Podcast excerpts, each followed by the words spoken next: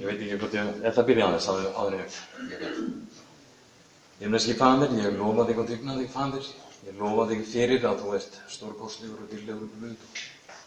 Og ég byrði þig faðir fyrir hverjum einum sem er hér inni að þú snertir við okkur. Uppörfur okkur og hjálpur okkur með allt það sem er að glíma við. Byrði þig um hjálp einni að koma bóðskapnum til skila og ég fer þetta ekki þín hendur, Jésu. Amen.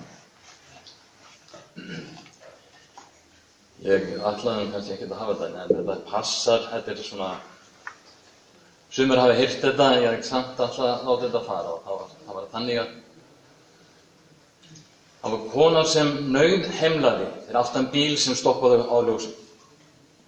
Og það kvein og söng í öllu og þetta fór í pyrrunar á henni, svo hún setti hendina á flautuna og flautaði á viðkomandi, opnaði við, hró, rúðuna og öskraði á mann. Lét hann heyra það. Og uh, tók ekki eftir að lauruglubíl stoppaði fyrir aftan hennar. Hann bankaði hörðan í hún og spurði hvort hann vildi koma með sér á lauruglustöðan. Sem hann gerði. Eftir að það höfðu talað saman að þá baðst lauruglumann innilega ásakana. Hann sagði sko, þegar ég sá límiðna á, á, á aftan af bílnum, Guð er kærleikur, Jésús er vegurinn og sannleikurinn og lífið og, hvað myndi Jésú gera? Þá held ég að þú hefur stólið bílnum. Þannig að orðuð fari ekki alltaf saman við það sem við trúum. En það er eitt vers í reikningunni sem er mikilvægt og líkilandriði við að miðla fagnaðarerindunum til vina, kunningja, ættingja og vinnufélaga og annara. Og það er það vers sem að Jésús sagði um sjálfan sig. Mannsónurinn er komin að leita að þínu týnda og frelsa það. Mannsónurinn er komin að leita að þínu týnda og frelsa það. Þetta var eitt af megin hlutverkum Jésu Krist á meðan hann gekk um hér á þessari jörðu. Og þetta er enn eitt af hans megin hlutverkum í dag. Það er hann sem er að leita að þínu týnda og frelsa það. Við höldum stundum að á því að Jésús gengur ekki um hér á jörðu að hann hafi afsalað sér þessu hlutverki. Nú sé það okkara að leita að þínu týnda og frelsa það eða það sé kirkja. En það er ekki þannig. Að leita að henni týnda og frelsa það er alfarið Guðsverk. Það kemur enginn til Jésu Krist nema að fadirinn dræja. Það samfærist enginn um syndir, réttlæti og dóm nema heilugur andi. Og það kemur enginn til föðurins nema fyrir trú á Jésum Krist. En það þýðir ekki það að við séum undanstýr. Því að Jésús Kristur hann vill að við séum með honum í því sem hann er að gera. Hann vill hafa okkur með. Hann vill að við tökum þátt í því sem hann er að gera. Og þegar einhverju kemur til trúar, að þá er það ákveðið ferli. Guð, nóttin Jésús byrjar að kalla og síðan kemur ákveðið ferli og á þessum ferli þá kallar hann, notar hann sitt fólk til þess að stjóna til þess einstakling sem Jésús er að kalla. Síðan líður tíminn og fleiri og fleiri koma og þetta er mislangur tími, þetta getur verið stutt, þetta getur verið mörg ár. En dróttin Jésús gefst ekki upp. Sem dæmi um þetta get ég sagt frá mínu lífi, þetta var ákveðið ferli. Ég þekki það því að það var ég sem hann var að, að draga til sín. Og það byrjaði þannig að ég fyrir mörgum árum og ég vann upp á keflaugur í þrýhöfnunni, bjóð hjá bróðum minn og ég saði eitt kvöld en ég stofi einn og var að býða eftir því að fara á vakt, að vera ná, að það er náði mér til þess að fara á vakt. Og þá var eins og fjórum spurningun var bara sko, það komu ein eftir aðrar, mitt í höfnu. Hver ertu, Herman? Hvaðan komstu? Til hvers erstu hér? Og hvert þetta að fara? Ég reyndi að svara þessu og ég gata það ekki. Síðan fór ég á vakt. Og þegar ég kem á vaktinni að þá hafði einhver sett kristileg smárið sem eftir Billy Graham sem einhver hafði þýtt á íslensku. Ég las það og það talaði til mig. Og með þessu smáriti þá var bóðum að fara að koma samkomi í Keflavíkukirkju, það var núnt fólk frá færiðum. og fyrir mig þá var kristin trú ekkert fyrir ungt fólk. Ég var forvitinn og enda með því að ég fór og satt aftalega. Og þar sem ég sitt þarna og hlusta á það sem er pétikað, söngin og annað slikt og þetta unga fólk standa upp og vittna um Jésu, það dáðist ég að því. Og ég um,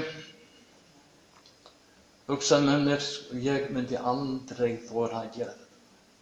Það svona hafði áhrifum að það þorði að tala upp, en ég ætlaði ekkert að tala við, við þetta lið, svo ég fór rétt áður en að samkoman var liðin. Svo ákveði að, að skellum mér niður sjókku og kaupa einhver og leiðin tilbaka, þá hitt ég þetta fólk aftur.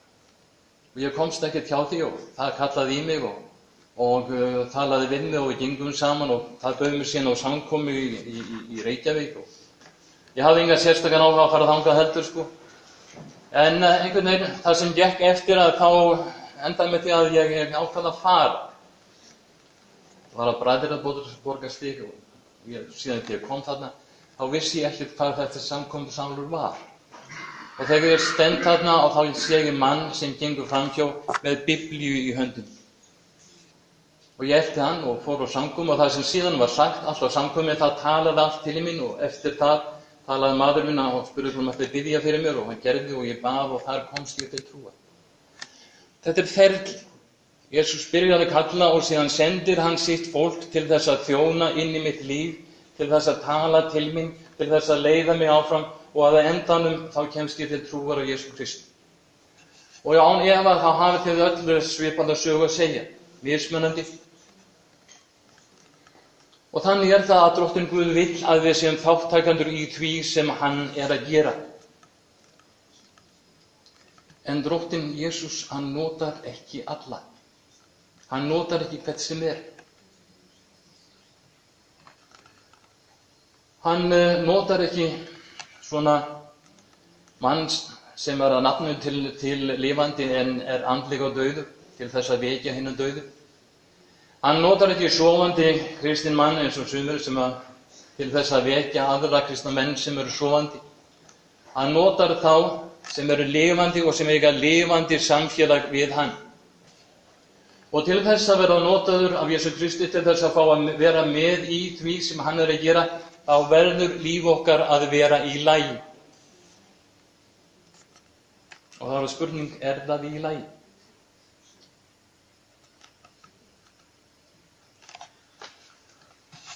Og um, það er eitt vers í fyrsta kapla Jóhannarsar Guðspjall, þar sem sagtur um Jésu.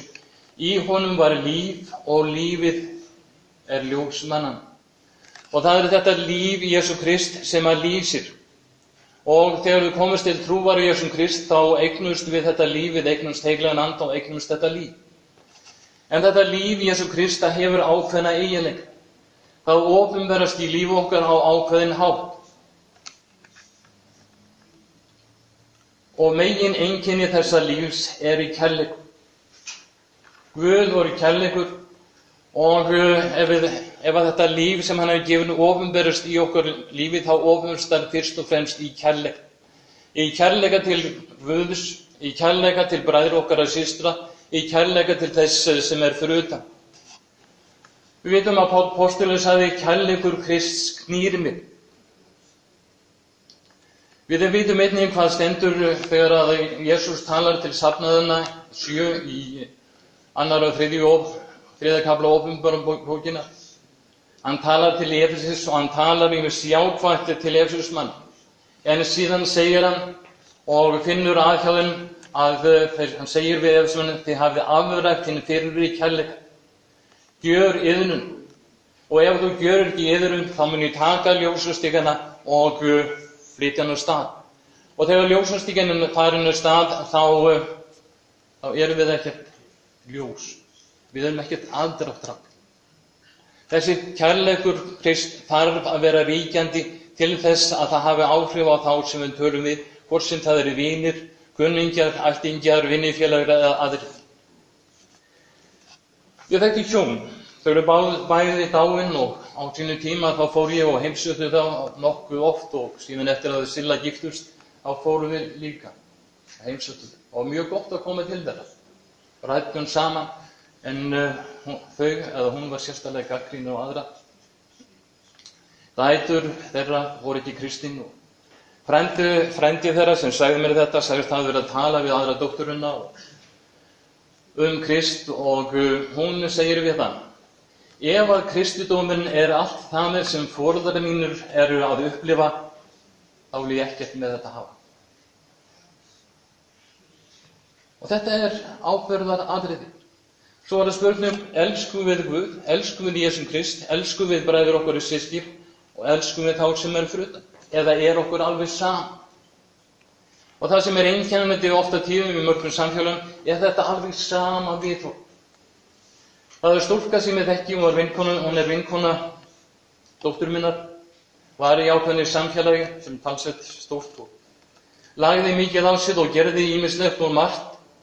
Síðan eins hún fjallaðist að og hætti að koma og hún hefði komið þarna langan tíma og á þessum tíma var ekki einasti í samfélaginu sem að hrindi í hana, sem talaði við hana og spurði hvort eitthvað var aðeð ekki, ekki einasti. Er þetta kærleikur? Er þetta umhyggja fyrir öðrum? Mundur þetta gerast hjá okkur? Er þetta viðhorð, alveg sama viðhorð, ríkjandi hér eins og mörgum öðrum stöðum? Og dróttin Jésús, hann er ekki að, að, að, að senda fólk sem hann vill að frelsist inn í samfélag þar sem meðlunum er alveg sama um viðkomandi aðra. Það sem hann upplifur ekki kærleika, það sem hann upplifur ekki umhyggju, það sem hann upplifur ekki að fólk hefur áhuga á viðkomandi person. Þannig að kærleikurinn er grundvallar atriði ef við ætlum miðla á fagnaðiður og hann þarf að vera raunverulegur og virkur. Annað atriði sem ég leggja, leggja áherslu á er bæn, samfélag við Guð, samfélag við Jésum Krist. Og þá er ég ekki talað um það að á borðin þá höfum notum við 2-3 mínútur upp 500 og leggjum pöntunarlista fyrir Jésum Krist og við höfum að gera hitt og þetta og svo kvöldi annan pöntunarlista. Reyndu þetta við makaðin. Látt hann fá pöntunarlista og það eina sem tala við hann, vittu hvernig ástandi verður eftir viku. Þetta er ekki það samfélagið sem við erum að tala um. Samfélagið við tölum við Guð, við segjum hann hvað við erum að fara í gegnum, hvernig okkur líður og þakka hann fyrir hans hjálp og, og lofa hann fyrir það sem hann hefur gert fyrir okkur og það sem hann gerir fyrir okkur og það sem hann er okkur. Að byggja og ef við viljum leiða vina okkar og kunningja til þá þurfum við að byggja fyrir okkur og okkur þarf að þrá, við þurfum að þrá að þeir komir til trúa. Bænin er líkil atriði og einn merkur Guðsmaður sagði að ef maðurinn byður ekki, sá sem byður ekki er andlega döður. Og þriðja atriðir sem ég langar að leggja á, ætla bara að minnast að þessi þrjú, er trú. Án trúar er ómulögt að þóknast Guði. Við byggjum oft og byggjum En þegar búin að byggja þá er eins og þetta sé bara eins og töla sem í loftið og það er yngar vantningar um að dróttin Guð svari. Dróttin Guð hefur gefið okkur hérna dýrmæti og hálitu fyrir heit til þess að við erum fyrir þau skildu verða hlutakar í Guðlegu eðli. En þetta, þessi fyrirheit verði ekki að veruleika fyrir enn við trúundi. Það voru tveir eh, blindir menn sem fylgdu, sem fóru eftir Jésu og báðan að lakna sig. Jésu spurði þá hvort þeir trúðu því að hann geti laknað þá. Þeir svöruðu já og snartan við þeim og sagði verði ykkur að trú ykkar. Og þegar við byggjum og trúum ekki, þá verðum við einnig að trú, að, að trú okkar. Það gerist ekki. Það er saga sem ég heyrði fyrir mörgum árum síðan. Þetta voru nýgliðar í hernum, þeir voru að æfa fallífastökk og það var komið að því að í fyrsta skipti sem þeir áttu að stökku úr flugvél og uh, þeir voru spenntir og einn var svona taugaveklaðri heldur en aðrir. Og uh, annar, þeirra, annar sem var þarna gæti ekki setið á stráksinn og fór að tala um hvort að þessar falli var væri nú eins örugar og menn töluðu um. Og minnast á einhvað að þetta geti verið gallað og allt eftir þessu og síðan spyr hann þannig að taugaverkla Heldurðu, hvað heldurðu að þessar fallifur muni halda? Hinn svaraði, við komast á raunum þar þegar við stökkum.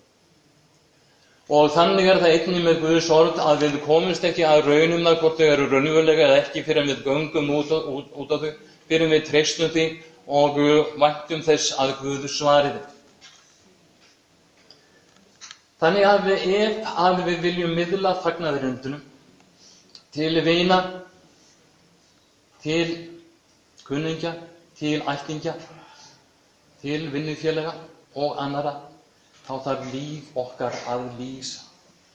Þá þarf líf okkar að vera lægi, við þurfum að elska til það stendur. Sá sem ekki elskar er áfram í dauðan. Þriðið kafli, fyrsta Jónasarbref, 14. vers. Og í fjórða kafla, fyrsta Jónasarbref, stendur líka. Sá sem ekki elskar, þekkir ekki Guð, því að Guð er í kærleiku.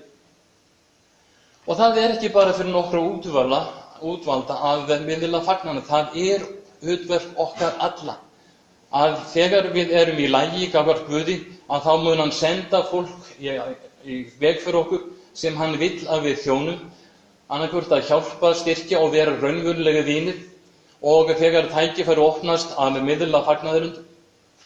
Sem dæmi sem að segja lokum að það var fyrir ónokkrum árum þegar ég hætti í ríkisendurskónu og byrjaði hjá helbriðislándunum.